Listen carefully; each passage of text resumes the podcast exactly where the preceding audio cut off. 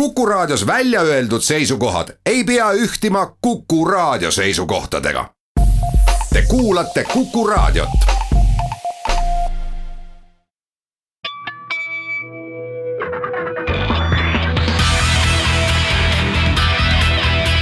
õigus ja õiglus.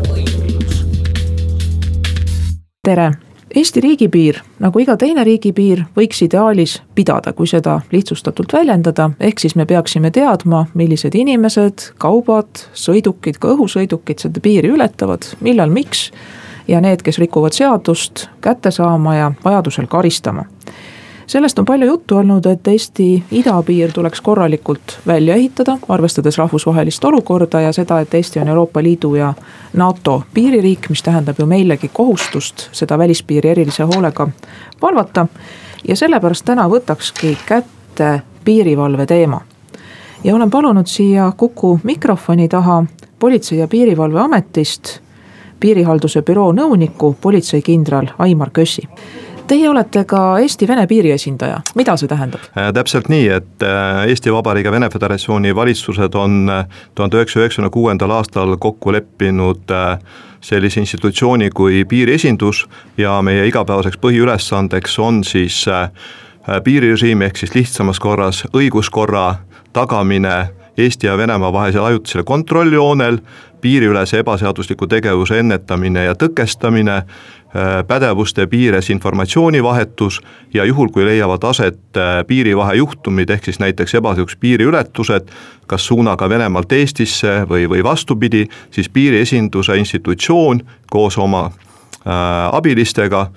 peavad tagama nende juhtumite lahendamise, põhjuste väljaselgitamise ja nii edasi kas tõepoolest tahab keegi ka Eestist Venemaale ebaseaduslikult minna, et elame ju vähemalt tavainimesed, meie elame kujutluses, et pigem tahetakse tulla siia Euroopa Liidu territooriumile sealtpoolt? jah, kui me räägime sellest, et kas äh, keegi soo-, keegi tahtlikult või teadlikult äh, ületab piiri Eestist Venemaale, siis tinglikult võib jagada seda kaheks. esiteks on äh, inimesed, kes ei ole eriti tähelepanelikud, liikudes ujuvvahenditega piiriveekogudel ei jälgi äh, piirirežiimi ala tähistavaid märke ja seega satuvad ekslikult Vene Föderatsiooni territooriumile. et see on üks kategooria mm. -hmm. teine kategooria on sellised isikud, kes äh, panevad toime näiteks salakaubaveo. et toimetavad äh, kastidega suitsud Venemaalt Eestisse ja need on ka need isikud, kes siis võivad kasutada samat marsruuti selleks, et suunduda tagasi Vene Föderatsiooni territooriumile aga selge on see, et, et ikkagi sellised tõsised piiririkkumised äh, nagu ebaseadusliku sisserände salakaubaveo eesmärgil, et need on ikkagi, toimuvad suunaga Vene Föderatsioonist Eestisse. nii nagu siin saates kombeks, et räägime ka üsna lihtsatest ja enesestmõistetavatest asjadest, aga koos näidetega kaasajast ja minevikust. et ehk siis äh, miks üldse peab piiri valvama, et, et siin nüüd puhtalt juristi ja riigiõiguslase vastus on see, et see riigipiir lahutab kahte erinevat õiguskorda et noh, kõige lihtsam, et näiteks ühel pool on linnas lubatud sõita viiekümnega, teisel pool võib-olla kuuekümnega või neljakümnega, sa pead seda arvestama. mõnes riigis on lubatud näiteks kanepi tarvitamine mingis ulatuses, teises ei ole üldse. ühes on rooli istudes null promilli lubatud, teises võib-olla null koma viis või null koma kaheksa. et ühesõnaga niisugused küllalt äh, praktilised asjad, et rääkimata siis ka kaupade hinnast ja nii edasi, et ehk siis see on jurisdiktsiooni küsimus ja juriidiliselt vaadatakse seda asja niimoodi, et eks piir ju jaguneb maismaapiiriks, mis on siis maa peal tähistatud kas postidega või aiaga või siis metsasihiga näiteks või lihtsalt teega, et kuidas kuskil maailmas ja siis on õhupiir, mis tegelikult ulatub avakosmosesse nii kõrgele, kui seda üldse saab kasutada. ja lisaks, millele võib-olla vähem mõeldakse, et tegelikult piir ulatub ka maakera keskpunktini, maapõue ja muidugi on oma reeglid ka siis veepiiri määramiseks, aga et niisiis, mis oleks teie vastus, et miks seda piiri peab üldse kaasajal valvama? no kui me räägime täna riigist ja, ja piirist, siis tegelikult ju riigi üheks põhitunnuseks on rahvas ja, ja teiseks tunnuseks on territoorium. ja, ja selleks, et äh, tagada selle riigi ja rahva suveräänsus ja, ja territooriumi puutumatus, äh, ongi kehtestanud riigid piirid. ja, ja nendel piiridel on siis vastavalt äh, iga rahvusriigi seadusandlusele kehtestatud ka üldised põhimõtted. lisaks, kuna Eesti täna on Euroopa Liidu ja Schengeni liikmesriik, siis äh, tänane meie Eesti ja Venemaa vaheline ajutine kontrolljoon on ühtlasi ka Schengeni ja Euroopa Liidu äh, välispiir ja sealhulgas ka NATO välispiir, mis tähendab seda, et äh,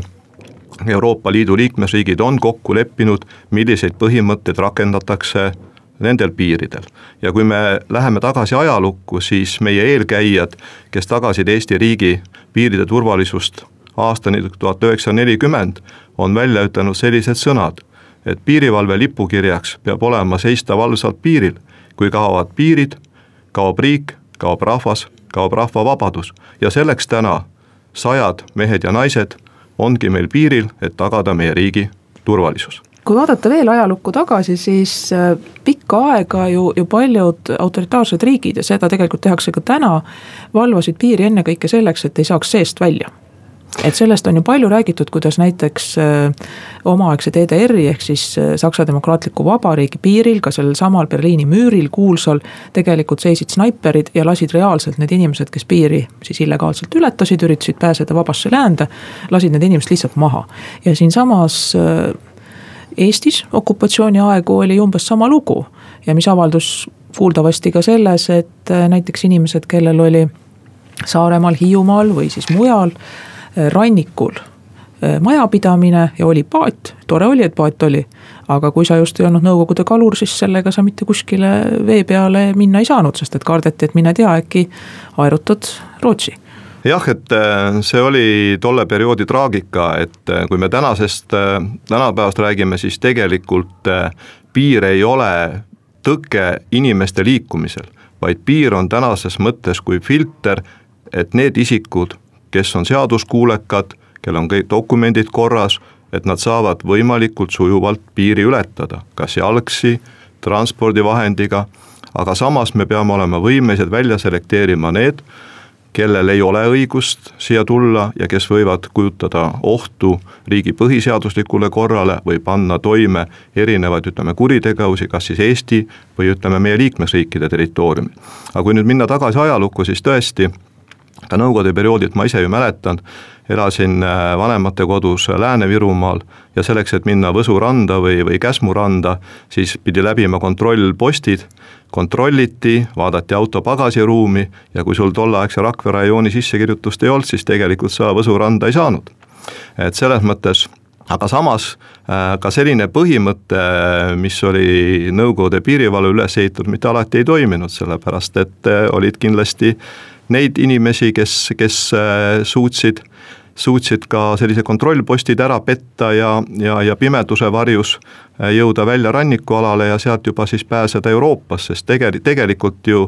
tõenäoliselt kardeti seda, et kui nüüd Nõukogude inimene põgeneb äh, läänesse, siis ta räägib, milline elu tegelikult Nõukogude Liidus on ja see ei olnud ju vastavuses sellega, mida siis kommunistliku partei propaganda igapäevaselt äh, teavitas ja sellest tegelikult järeldub, et kaasajal mingis mõttes eh, ju riigid tahaksid üritada ka see, valvata ka seda oma rahva vaimu. et nii kurjuse ja vale eest, mis tuleb väljastpoolt, kui siis autoritaarsed režiimid eh, tõe eest ja tegelikult see on läinud üha raskemaks, et kui nõukogude ajal kuulati Ameerika häält ja teisi välisraadioid ja, ja jõuluõhtul jõulumuusikat Saksa raadiost läbi krigina ja ragina, et raadiolaineid ju peatada hästi ei saanud. ja kui vahele ei jäänud, siis probleemi polnud. et siis tänapäeval on see kõik palju raskem, et, et samas nüüd autoritaarsed režiimid ju üritavad igal viisil ka näiteks internetti piirata ja nii edasi, noh tegelikult eesmärk on seesama, et inimesed ei saaks teada, kuidas elu tegelikult toimub mujal. ega ei saaks väljapoole teada anda, kuidas toimub elu nende juures aga seda praegu piirivalvena kuidagi kasutada ei saa, aga samas riigikaitses ju sellest kõigest räägitakse, sellest küberkaitsest ja, ja siis inimeste vaimu kaitsmisest. Jah, eks ta selles mõttes on, et tänapäeva ju tehnoloogiad arenevad ja, ja see, äh, millised olid võimalused ja millised võimalused olid inimestel saada teavet ja informatsiooni ja kuidas inimesi võidi äh, mõjutada ka ideoloogiliselt, olid ju oluliselt kitsamad, kui seda tänapäeval on eks noh, meie, meie ülesanne on täna ikkagi piiril see, et äh, ei toimuks piiriülest ebaseaduslikku tegevust, et ei toimuks kontrollimatut piiriületust, et äh, ei toimuks äh, kontrollimata sisserännet, ei toimuks salakaubavedu ja tegelikult meie ülesandeks on monitoorida ka olukorda, et ei satuks läbi meie uste äh, ei Eestisse ega Euroopasse neid isikuid, kes äh, planeerivad toime panna terroriakte või riikide põhiseadusliku korra vastu suunatuid tegevusi, et äh, seda, seda kindlasti me igapäevaselt teeme oma piirikontrolli käigus piiripunktides või siis patrull- ja vaatlustegevuse käigus maismaapiiril ja piiriveekogudel. kui me nüüd tuleme tänapäeva ja läheme konkreetsemaks, et siis jällegi olles riigiõiguse tundjaga kahtlemata mitte piiri valvamise tehnoloogia ega võib-olla üldse mitte tehnoloogia hea tundja, et siis mina elan küll ja minu teada paljud inimesed elavad usus, et tänapäeval on maailmas praktiliselt kogu ruum valvatud, kas siis kuidagi radaritega, satelliitidelt jälgitakse, meil on Google Maps, mille, mille peal on enam-vähem kõik märgitud. et kuidas see saab ikkagi olla, et kaovad ära laevad, kaovad jäljetult lennukid et kuidas see on võimalik, kas sellel on tegelikult olemas mingi seletus? no eks kindlasti kõige paremini suudavad neid asju seletada eksperdid, kes on äh, antud tehnika ja elektroonika valdkonnas. aga tõenäosus on ka see, et äh, osad ütle, näiteks lennukid võivad kaduda ka sel põhjusel, et lihtsalt äh, lihtsalt süsteemid, mille abil on võimalik neid õhuruumis tuvastatakse Äh, kuidagi lülitatakse välja ja sellest tulenevalt ei ole neid võimalik enam äh, radariekraanil jälgida näiteks. et see, see võib, see võib olla üks, üks põhjuseid. või ütleme, tekib, tekib mingi tehniline rike, mis lülitab välja näiteks noh, vooluvõrgu ja, ja seega kõik, ütleme, tehnilised süsteemid, mis on tol hetkel kas selle laeva või lennuki pardal, nad lihtsalt enam ei toimi. et see on kindlasti see, aga, aga see, et äh, on võimalik täna erinevate tehniliste süsteemide abil äh, jälgida erinevaid maailma punkte, et, et see on jah, täna, tänase ajastu eelis, kuid äh, samas ma tahaks rõhutada, et kui me räägime täna piirihalduse korraldusest, siis ikkagi põhiraskus täna langeb inimesele, professionaalsele piirivalvurile ja tehnika on see, mis aitab tegelikult meie igapäevast tööd paremini teha ehk siis tehnika on meie jaoks täiendavad silmad, nad aitavad meil varajases staadiumis tuvastada objekte, mis lähenevad näiteks piirile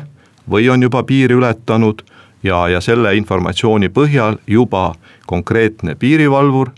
võtab vastu otsuse, tegeleb selle objekti tuvastamisega, reageerivad kas maismaal või piiriveekogul ja, ja vajadusel, kui on toimunud ebaseaduslik piiriületus peavad ka siis need isikud selle transpordivahendi kinni.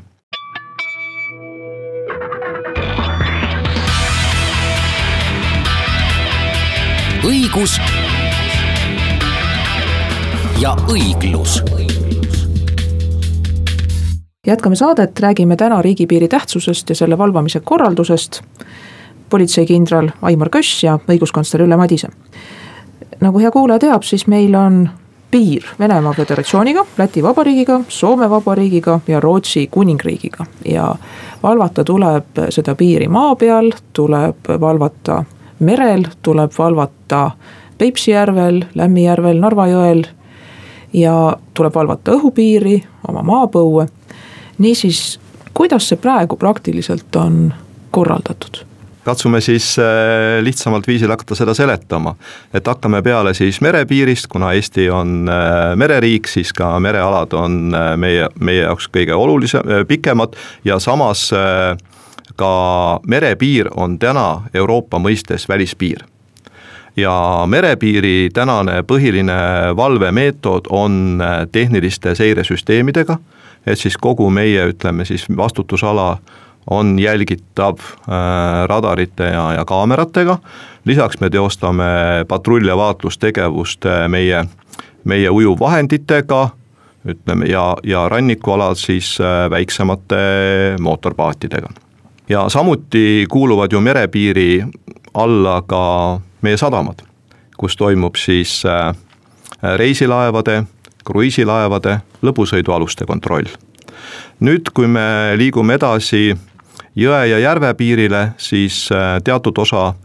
jõe ja jõepiirist on meil täna tehniliste seadme, valveseadmetega kaetud, teatud osas äh, arendused on planeeritud äh, tulevikku, ehk siis eesmärk on, et ka tulevikus kogu, kogu seitsekümmend kuus kilomeetrit äh, Eesti jõepiiri oleks valvatav tehniliste seadmete abil, ma just rõhutan, panen rõhusõnale abil, sest et jätkuvalt ikkagi on inimene põhiline ressurss Äh, järvepiiri osas, mis täna puudutab Peipsi, Pihkva ja Lämmijärve, et samamoodi järvepiir on meil täna võimalus, ütleme, jälgida siis tehniliste sea-, valvevahenditega. ja nüüd sada kolmkümmend viis kilomeetrit on siis meie kõige raskemat lõiku tegelikult, milleks on siis Eesti ja Venemaa vaheline ajuti, ajutine kontrolljoon maismaapiiril ja, ja siin on muidugi täna põhi, põhirõhk pandud patrull- ja, ja vaatlustegevusele sest äh, kogu Eesti idapiir on täin-, täna väljaehitamise järgus, et me oleme täna siis äh, või varasematel aastatel meil on üks lõik äh, maismaal, mis on kaetud statsionaarsete valveseadmetega ja, ja nüüd see osa kolm ja pool kilomeetrit meie katselõigust, mis on valminud idapiiri projekti raames, et ka seal on meil võimalik täna tehniliste vahendite abil tagada, tagada piiri turvalisust, aga suuremahulisemad tööd Eesti idapiiri väljaehitamisel on veel ees. nii et selles mõttes, kui me võtame võtame siis piiri valvamise põhimõtte, et meil on olemas äh, piiri, piiripatrullid maismaal, kas nad liiguvad transpordivahenditega, jalgsi, Äh, veekogudel ujuvvahenditega ja, ja abiks on neil siis äh, erinevates piirilõikudes tehnilised valveseadmed, mis annavad meile informatsiooni selleks, et me saaksime õigeaegselt reageerida ühele või teisele sündmusele, mis piiril aset leiab. Kui palju inimesi seal tööl on, kas see on riigisaladus või seda saab umbkaudu öelda? noh, selles mõttes, et kui me võtame nüüd üldarvu, siis, siis üldarvu kindlasti tahaks mainida, aga, aga niimoodi öeldes saame täna rääkida, et äh, nii, nii kogu Eesti ja, ja Venemaa vahelisel kontrolljoonel on ikkagi sajad inimesed, kes, kes seda tööd teevad, sellepärast et seal on ka olulised piiripunktid nagu Narva, Luhamaa ja Koidula, kus peab olema tagatud äh, inimeste sujuv äh, ja transpordivahendite sujuv piiriületus, nii et selles mõttes ikkagi me räägime sadadest inimestest. Kui me nüüd tuleme sellesama Narva jõe juurde korra tagasi, et siis kõik need, kes on Narva jõe ääres käinud, ilmselt on näinud ka silti, mis ütleb, et tegelikult pimedas sinna vette minna ei tohi, ei tohi selle vee peale minna. aga kui nüüd keegi ikkagi läheb, et siis teie olete ühtlasi Eesti-Vene piiri esindaja, nagu oli jutuks. et mis siis juhtub, et ilmselt tuleb mingisugune signaal ja siis läheb keegi kontrollima, et mis seal tegelikult toimub või, või mis juhtub, kas see inimene saab ka karistada? jaa, et, et selles mõttes, et, et tõesti, et meil on oma, meil on äh, piiri valvamine on üles ehitatud äh, ohuhinnangutele ja riskianalüüside tuginevalt, et me oleme enda jaoks ära määratlenud prioriteetsed kohad ja selge on see, et ka Narva jõel mitte igas kohas äh, ei lähe isik äh, isik vette, sellepärast et iseenesest juba Narva jõgi ja selle Narva jõe voolukiirus on tegelikult inimese jaoks väga ohtlikud, eriti kui sul on halb ujumisoskus ja ja meil on tulnud siin aastate lõikes nii mitmeidki äh, Aafrika riigist pärit, pärit isikuid seal viimasel hetkel veest veest välja võt-, tõsta, et, et nad ei satuks upp, et nad ei upuks. kui nüüd on selline situatsioon, et meie kas patrull märkab mingit liikumist Narva jõel või siis ütleme, me saame vastava signaali täna, täna läbi oma seirevahendite, siis meie ujuvvahend ja selle ujuvvahendi meeskond reageerib sellele kohale ja teostab isiku kinnipidamise. Ja va-, vast-, kui on tegemist äh, ujuvvahendiga, toime pandud piiriületusega, siis te-, siis äh, vastavalt Eestis kehtivatele seadustele on tegemist äh, kriminaalkorras karistatava süüteoga, kui on tegemist näiteks ujujaga, siis see on väärteokorras karistatav. ja kui näiteks ütleme, ujus üle purjus Vene Föderatsiooni kodanik me pidasime ta kinni, viisime läbi vastavad menetlustoimingud, siis me lepime kokku Vene Föderatsiooni piirivalvega koha ja aja, millal siis see isik antakse, antakse üle. ja juhul, kui meie poolt keegi jutumärkides kangelane, kes arvab, et tema, tema pi-, peale piis-, teatud kogust alkoholi võib ka üle jõe ujuda, siis protseduur on sama, et Vene Föderatsiooni piirivalve viib läbi menetlustoimingud, lepitakse kokku aeg ja koht ja see isik antakse meile üle ja neid inimesi ju võetakse siis ka ilmselt hea meelega tagasi, et me oleme väga palju kuulnud, et näiteks neid, kes Euroopa Liitu siis just sealt Aafrikast Eh, tulevad, et neid nende koduriigid tihtipeale tagasi ei taha mitmetel põhjustel. muuhulgas sellepärast, et väidetavalt need inimesed kalduvad seal radikaliseeruma. et siis siin, kui meil on tegemist lihtsalt eh, purjus kaaskodanikega, siis äh, nii Vene Föderatsioon kui Eesti võtab nad tegelikult hea meelega tagasi. no sama asi on ju kaluritega ka, et kes ütleme eksimuse tõttu on sattunud, et nad ei kujuta ju selles mõttes ohtu riigi julgeolekule, ei ühe ega teise riigi julgeolekule. ja, ja me oleme ka tege-, tegelikult igapäevaselt sellesse panustanud, et äh, näiteks äh, Peipsi järvel on täna, täna tähistatud piirirežiimi ala toodritega, nad on looduses väga hästi nähtavad, ma olen ise käinud mitmeid kordi järve peal. ja nüüd tänases olukorras öelda, et ma ei märganud seda piirirežiimi ala, noh, see on juba selles mõttes selline, selline väljamõeldud vabandus. ja eks ka kalameestel on ikka vabandus see, et, et mida lähemale kontrolljoonele, seda rohkem pidi seal kala olema ja eks samat moodi, et kalameestega ka, et, et kui, kes satuvad kas talvel või ütleme siis kevad su, su, suvel, suvel või sügisel, ütleme niimoodi ekslikult teisele poole, siis, siis reeglina nende, nende üleandmise ja vastuvõtmisega probleeme ei ole. ja jälle üks äh, niisugune küllalt tavapärane küsimus, aga et tegelikult oleks ju loogiline, et kahe riigi vahel ongi teatud noh, koostöö piiri valvates, sest et seesama piir, olgu ta veekogu peal või siis maa peal et see on ju tegelikult ühine, et ühel pool on üks õigusruum, üks riik, üks rahvas, teisel pool on teine. et kuidas see koostöö noh, näiteks venelastega käib, et tegelikult on ju tegemist siis riikidega, kes on mingis mõttes tänapäeva rahvusvahelises olukorras äh, nii-öelda eri pooltel hmm., vastandlike huvidega, ühel pool on NATO, teisel pool ei ole. et kas teil on mingisugune koostöö olemas, et kas teie Vene piirivalvuritega üksteist nagu mingis professionaalses mõttes mõistate? Meil on sellesama valitsusevahelise kokkuleppe alusel, meil on planeeritud iga aasta teatud tegevused, meil on olema plaanis, et kohtumised, kus me arutame siis, et mida on võimalik mõlemapoolselt teha selleks, et äh, ei toimuks piiriülest äh, kuritegevust näiteks. et äh, mida me saame teha selleks, et ära hoida piiririkkumisi eksimuse tõttu ja, ja arutame ka seda, kuidas on võimalik muuta paremaks äh, piirivahejuhtumite lahendamist. et kui meil täna ütleme plaaniliste, plaaniliste ürituste ja kohtumistega ma ei näe täna suuri probleeme, et äh, kui mõlemal pool on ju istuvad tegelikult professionaalid mm, -hmm. muidugi me täna ei saa mööda vaadata sellest, et, et kindlasti ka Vene piirivalve tegevust mõjutavad need poliitilised otsused, mis on Vene Föderatsiooni äh, ütleme siis riiklikul tasandil, tasandil vastu võetud. ja, ja kindlasti, kus ütleme, on kitsaskoht täna äh, Eesti ja Vene piirivalvete vahelises äh, suhtlemises on äh, piirivahejuhtumite lahendamised, need, mis pannakse toime suunaga Vene Föderatsioonist Eesti Vabariiki ja, ja ma mõtlen selle all ikkagi neid tõsisemaid rikkumisi, kus on tegemist äh, ebaseadusliku sisserändega, ehk siis ütleme Aafrika või, või Aasia mandrilt pärit isikute ebaseadusliku piiriületusega. ja, ja osaliselt on see tingitud sellest, et meie maastiku eripärast tulenevalt äh, ei jää maastikule erista-, selgelt eristatavaid jälgi mille põhjal sa saad öelda, et, et kas siit on nüüd inimene üle tulnud või mitte. ja, ja see on see vaidluskoht, kus päris palju aega läheb selleks, et eh, tõestada, kas on toimunud piiriületus või, või mitte. ja selles mõttes ka uus äh, rajatav infrastruktuur kindlasti hakkab seda toetama, et äh, meil ei ole enam vajadust äh, tundide kaupa maastikul otsida jälge või jälgefragmente, vaid ka tehnika toetab meid selleks, et üht või teist ebaseaduslikku piiriületust siis tõendada. et see tähendab, et nendest inimestest tehakse näiteks pilt? no see tähendab seda, et, et kas, kas see, see hetk, kui nad näiteks Eesti ja Venemaa vahelist kontrolljoont ületavad, on, on meil äh, tõendatav äh, noh, erinevate äh, on ta siis mingi videode või fotode põhjal aga kindlasti see, see muudaks, muudaks ka selle, selle olukorra lihtsamaks. jah, ju see nõnda on, et salakaubavedu ega näiteks kurjategijate põgenemine politsei eest ilmselt ei meeldi ei Eestile ega Venemaale, aga ilmselt siis hoopis teistmoodi on näiteks nende noh, kuuldavasti, et lükake ümber, kui see info on vale. et, et kui näiteks Peterburi turul on mingisugune haarang illegaalide püüdmiseks, et siis väidetavalt äh, tuleb ka üle Eesti piiri siin siis näiteks vietnamlasi. Ja pluss siis ka selles üldises rändevoolus tõepoolest Aafrika ja Aasia mandrilt inimesi, et ega ju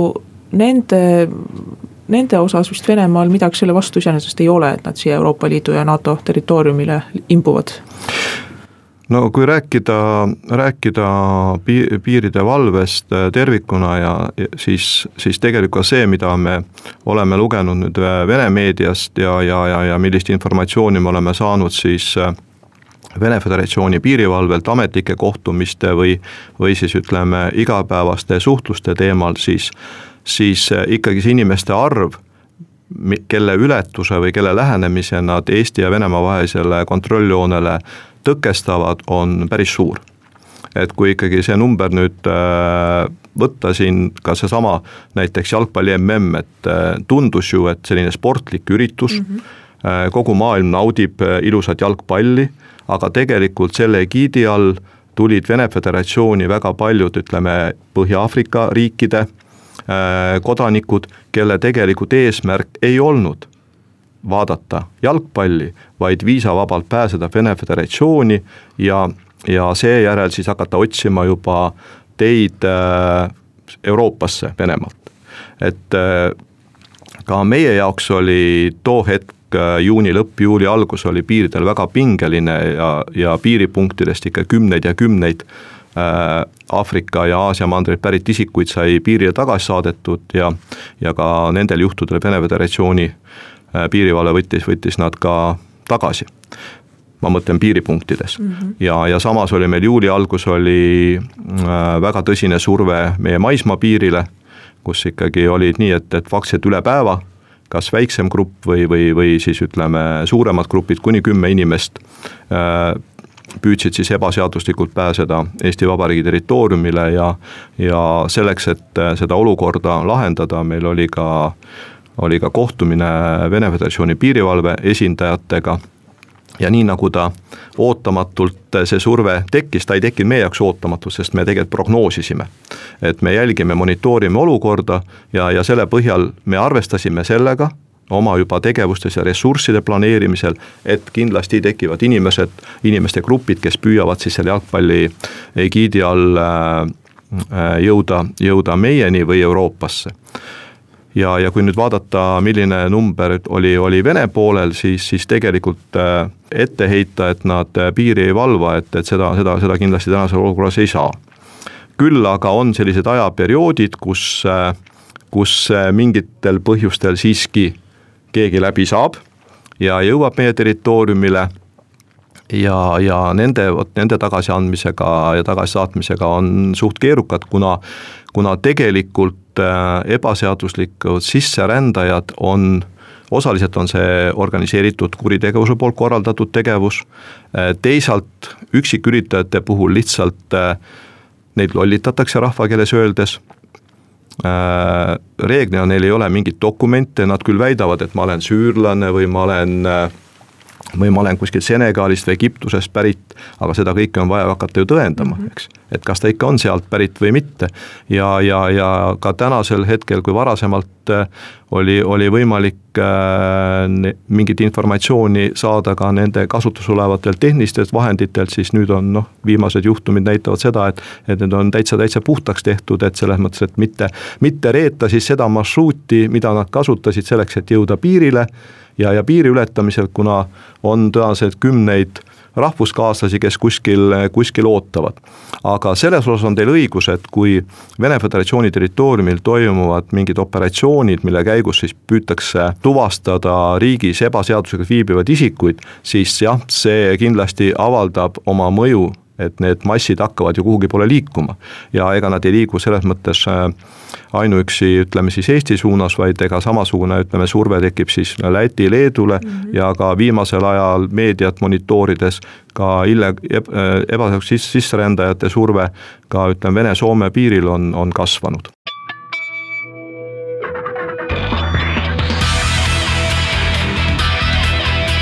õigus ja õiglus. jätkame saadet, räägime täna piiri valvamisest, õiguskantsler Ülle Madise ja Politsei- ja Piirivalveameti piirihalduse büroo nõunik, politseikindral Aimar Köss. üks huvitav küsimus veel on lennujaamas ju ka olemas kinnipidamise tuba, et ehk siis äh, aeg-ajalt ka sellest kuuleme, et lendudelt ongi maha võetud inimesi, kellel ei ole õigust tegelikult Eestisse tulla. Ja samal ajal ometi on tsiviillennunduses olemas kokkulepped, mille kohaselt ei tohiks juba lennuki pardale võtta inimest, kellel ei ole viisat, kellel ei ole dokumente, kellel ei ole õigust siseneda, et kuidas see juhtub ja kui palju selliseid juhtumeid on? No selles mõttes, et, et kui me võtame üldse tervikuna, et ega sellised juhtumid ei, ei toimu mitte ainult Tallinna lennujaamas, et need sellised juhtumid on ka meil maismaapiiril olevates piiripunktides, on ta siis Narva raudteejaam või Narva maantee piiripunkt, Luhamaa või Koidula, kus meil liiguvad siis regulaarbussiliinid ütleme, on rongiliiklus mm. -hmm. ja tegelikult teil on täiesti õigus, et vastavalt Eestis kehtivale seadusandlusele on, on vedajal lasub, lasub selle eest vastutus ja selles mõttes me oleme ka aktiivselt nende vedajatega, operaatorfirmadega suhelnud ja, ja ka meie ametnikud on neid, neid koolitanud, aga samas noh, on ka selge see, et näiteks kui me võtame rongi vagunisaatja, et me ei, ei saa eeldada, et see inimene on sama professionaalne kui aastaid piiripunktis tööd teinud dokumendikontrolli teostav piirivalvur mm. -hmm. ja ütleme siis nii, et, et kui inimene tuleb ja äh, lennu, Tallinna lennujaama tuleb lennukilt maha ja tal ei, tal, tal on viisakohustus, aga ta seda viisat ei ole. vot see on küll tõsine, ütleme siis äh, etteheide vedajale, kes sellise asja peab olema võimeline tuvastama. nüüd küsimus on selles, et kui sel isikul on näiteks mitmekordne viisa, et ühekordse viibimisega näiteks üheksakümmend päeva, et siis tegelikult noh, kas täna me saame eeldada seda, et äh, see vedaja on võimeline nüüd kokku lugema varasemalt eh, Euroopa Liidus viibitud päevade arvu, eks.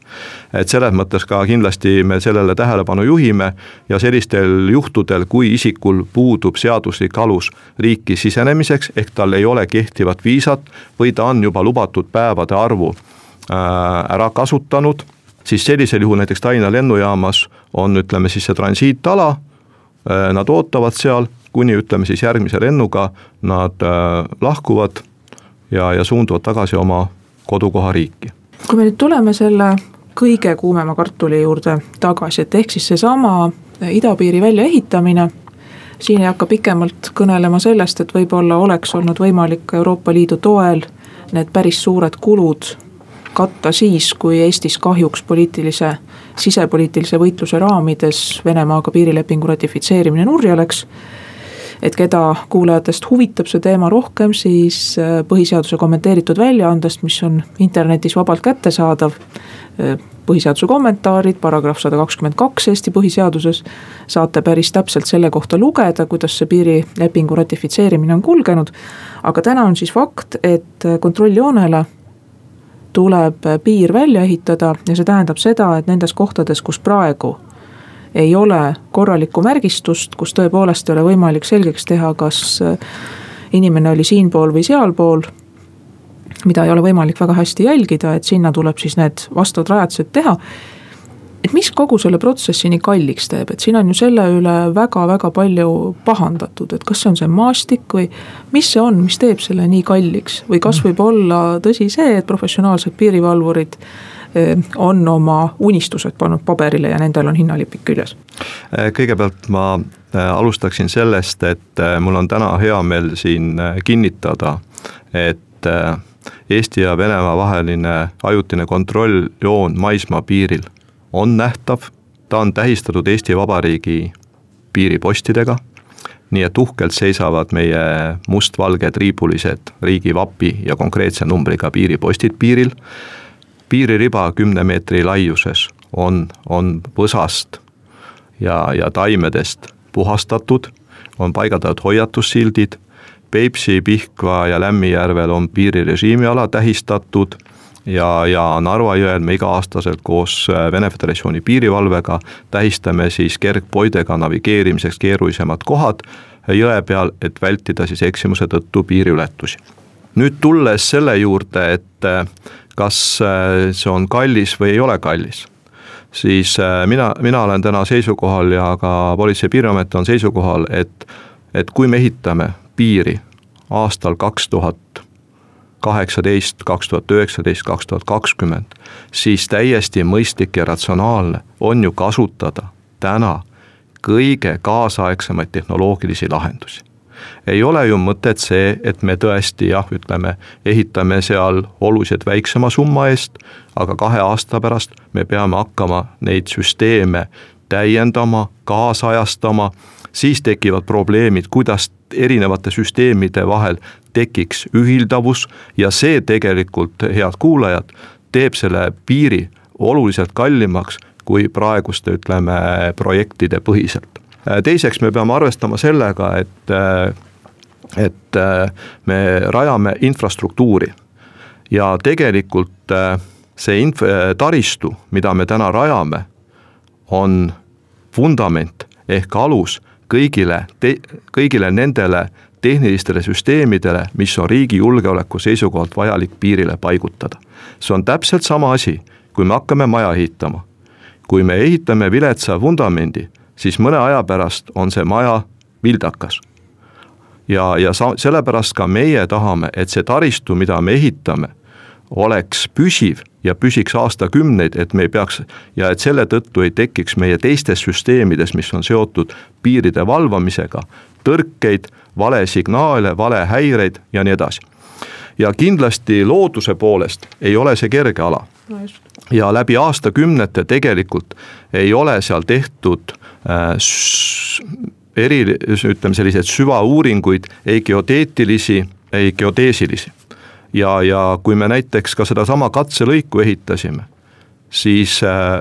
tehti puurimised, mille, mille põhjal oli vaja siis välja selgitada, et millise pinnasega on tegemist ja kui sügavale näiteks turbakiht äh, ulatub. kui sa tegid ühe sammuga, said selleks numbriks näiteks neli-viis, kui sa tegid tihedama sammuga, see, see sügavus juba ulatus kaheksa meetrini näiteks mis tähendab automaatselt seda, et sa pead otsima ka teisi tehnoloogilisi lahendusi. ja, ja selge on see, et me oleme ka igal pool rõhutanud, et me ei ehita mingit tara piirile, vaid selle taristu nimi on viivitusaed. ja selge on see, et mitte ükski aed ei saa lõpuni, ütleme, kedagi kinni pidada, kuid just sõna viivitus ongi see, et kui me saame tehnilistelt seiresüsteemidelt äh, kakskümmend neli seitse olukorra pildi ja kui nüüd keegi läheneb piirile, siis see viivitusaed raskendab selle inimeste liikumist ja annab meile piisava aja selleks, et õigel ajal õiges kohas olla. samas ei saa ju olla niimoodi, et ebaseaduslik piiriületus jääb tõkestamata sellepärast, et äh, patrullekipaas jäi kuskile porri kinni ja ta ei saanud enam edasi liikuda no,. sellepärast ongi meil läbimõeldud äh, minimaalsel arvul vajalikke äh, teid, juurdepääsuteid, eks samas, kui me para-, ehitame neid juurdepääsuteid, siis tegelikult me paremustame ka kohalike elanike liikumist, sest kuni ütleme, selle piirirežiimi alani on võimalik ka sel kohalikul elanikul seda teed kasutada selleks, et oma kodu juurde jõuda. me ehitame selle raames ka alajaamu täiendavalt, kus on jällegi võimalus ka kohalikel elanikel kokkuleppel, ütleme siis elektrit tarniva firmaga, ütleme kokku leppida teatud liitumised ja nii edasi, eks. et selles mõttes, et see on nagu selline laiem projekt ja tegelikult, mida ma tahan rõhutada, on see, et kohati on jäänud väärarvamus, et, et Politsei- ja Piirivalveamet ehitab endale piiri. Ei, head sõbrad, me ei ehita endale piiri, me ehitame piiri selleks, et Eesti rahvas saaks ennast tunda turvaliselt ja, ja, ja, ja täita oma partnerkohustused ka meie li, liitlaste ees. nii nagu öeldud, et siis tegelikult see on üks riigi tunnus, et sa suudad enda territooriumi õiguskorda teiste omadest piiritleda. mulle jällegi tundub, et eks teeb selle asja vist keeruliseks ka meie noh, lisaks sellele maastikule, mis seal on, mis tõesti tundub, et on soine ja tegelikult seal teid on vähe ja, ja sinnakanti jääb ju ka üks ainukene küla, mille juurde mitte ühtegi sõiduteed ei vii usu või ära usu, aga see on üks väga hea mäle, mäl, mälumängu küsimus aga siin on veel ju ka külmumise faktor et tegelikult tuleb arvestada, et see niigi väga keeruline pinnas veel ka külmub. ja et kas praegu tegelikult see probleem siis ongi see, et ka väga kiiresti ei jõua piirivalve sinna kohale, sellepärast et. no ma ei tea, kas kasutatakse siis hõljukeid või mida, sest helikopteril pole kuhugi maanduda. jalgrattaga seal ei sõida, käia saab, aga noh, see käimise tempo kindlasti ei ole päriselt see, mida näiteks üks ettekavatsetud noh, piiriületus ei oskaks ette arvestada jah, et selles mõttes, et kui me võtame tegelikult täna Eesti ja Venemaa vahelise ajutise kontrolljoone, siis pannes märgid kaardile ja võttes aluseks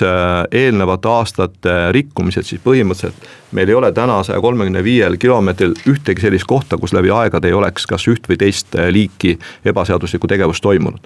Et selles mõttes ta on ikkagi kogu, kogu see sada kolmkümmend viis on meie jaoks kõrgendatud riskiga ala ja, ja ta on selles mõttes soodne rikkujate jaoks. Et tõesti, nagu te mainisite, et äh, talvel ta külmetab, kui suvel on see soo raskesti läbitav, siis talvel on tegelikult seal suht lihtne liikuda, eks, ja ja teiselt poolt äh, väga oluline on ju piirisündmuse puhul see reageerimiskiirus ehk siis äh, sellest sõltub, et kui me näiteks, meie eesmärk alati on see, et kui me tuvastame rikkumise, tuvastame inimeste liikumise, et võimalikult piirile lähedal see isik kätte saada. Sest kui see isik, ütleme sellest piirirežiimi alast või mingist paarikümne meetri, saja meetri alast jõuab väljuda, siis me peame käivitama tegevused, mis, mida me nimetame maa-ala sulgemiseks. ja see, see nõuab väga suurt ressurssi, et me suudaksime ära blokeerida need teed ja võimalikud liikumismarsruudid ja nende isikute otsimine võtab aega, sest tegelikult piiril ei saa olla seda olukorda, et ükski jälg jääb, et jäljed jäävad tuvastamata ja isikud jäävad kinni pidamata, seda peab tagama. ja on ka siin väidetud, aga miks te ei kasuta inimesi. ma toon ühe näite näiteks, et neljakümne kilomeetri piiri valvamiseks oleks vaja vähemalt sada viitkümmend inimest. see eeldaks seda, et üks inimene, aga patrull ei saa olla kunagi turvalisuse kaalutlustel üks inimene. võtame haigused, puhkused õppeprotsessis, see tähendaks seda, et see, see on seal, me räägime, korrutame selle numbri veel kolmega, neljaga, aga me teame väga hästi, kui palju on Eesti, milline on Eesti rahvaarv, eks. Ja, ja kõik ju ametkonnad täna tahavad endale parimaid ja see on see, et me vaatame ka perspektiiviga tulevikku, et meil ei ole võimalik nii palju ka inimressurssi omada, kui me seda tahaksime ja siin ongi, ütleme, need tehnoloogilised lahendused, need, mis on meie jaoks olulised abimehed, selleks et piir oleks turvaline. ja nüüd lõpetuseks väga lühidalt, vahel räägitakse sellest, et äh, Schengeni sisepiire oleks võimalik või vajalik sulgeda, kas see tegelikult on võimalik? Jah, ma ütleks seda, et see on võimalik selles mõttes, et kui me vaatame ka täna Euroopa praktikat, näiteks Saksamaa, Austria, Rootsi tulenevalt äh, eba, äh, rändesurvest on kehtestanud ju, taaskehtestanud piirikontrolli sisepiiridel. ja, ja see tähendab seda, et meie mõistes täna sisepiir on Eesti Vabariigi ja Läti Vabariigi vaheline piir. on täna Schengeni mõistes sisepiir ja kui meie ohuhinnangud näitavad, et on vajalik taaskehtestada Äh, ajutine piirikontroll sisepiiridel, siis Euroopa Liidu tasandil on kehtestatud protseduurireeglid, kuidas üks või teine liikmesriik peab käituma, alates ütleme teavituskohustusest ja nii edasi. ja see tähendab, mida meie jaoks, see tähendab seda, et riiki sisenevatel suurematel teedel pannakse paika piiripunktid, ehk siis alustatakse piirikontrolli, nii nagu seda tehakse täna täna ütleme välispiiril, seal võivad olla teatud leevendused, aga võib olla ka põhjalik kontroll. ja need teed, mis on täna piiriülesed, nendele pannakse teesulud ja pannakse kontrollpunktid ja käivitatakse ka nende kontrollpunktide vahel äh, patrull- ja vaatlustegevus see ei tähenda seda, et seda tehakse välispiiride valve arvelt, sest tegelikult äh, piirikontrolli taaskehtestamine sisepiiridel eeldab ka seda, et ka välispiiride valvet tõhustatakse. ja selleks, selleks panustab kogu PPA ressurss, lisaks on meil, ütleme, koostööplaanid meie partneritega, kes saavad meid, ütleme, toetada siis vajadusel piirikont-, äh, piiri, piirikontrolli taaskehtestamise vajaduse korral. lisaks igapäevaselt tegelikult sisepiiridel, jah, me ei teosta piiride valvet, kuid me rakendame ja ka teised Euroopa Liidu liikmesriigid rakendavad oma sisepiiridel kompensatsioonimeetmeid, mis on tegelikult selline politseiline meede ja, ja mille eesmärk on siis pisteliselt kontrollida näiteks Eesti Vabariigi territooriumil viibivaid välismaalasi, kontrollida, kas neil on, ütleme, õiguslik alus siin viibida ja kui me tuvastame, et neil puudub õiguslik alus, siis viiakse läbi vastavad menetlusprotseduurid ja saadetakse ta siis tagasi sellesse riiki, kust ta on, ütleme, tulnud, noh näiteks kui ta on tulnud Lätist, siis suunatakse tagasi Läti Vabariiki. ja siin paneme tänaseks punkti loodan, et paljud küsimused, mis on nendel, kes ei ole kaasaegse piirivalvega kursis, said vastuse. suur aitäh, eh, Politsei- ja Piirivalveameti piirihalduse büroo nõunik, politseikindral Aimar Köss saatesse tulemast. aitäh kuulajatele ja kuulmiseni tuleval nädalal.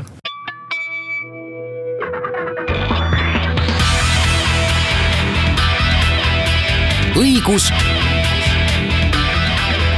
ja õiglus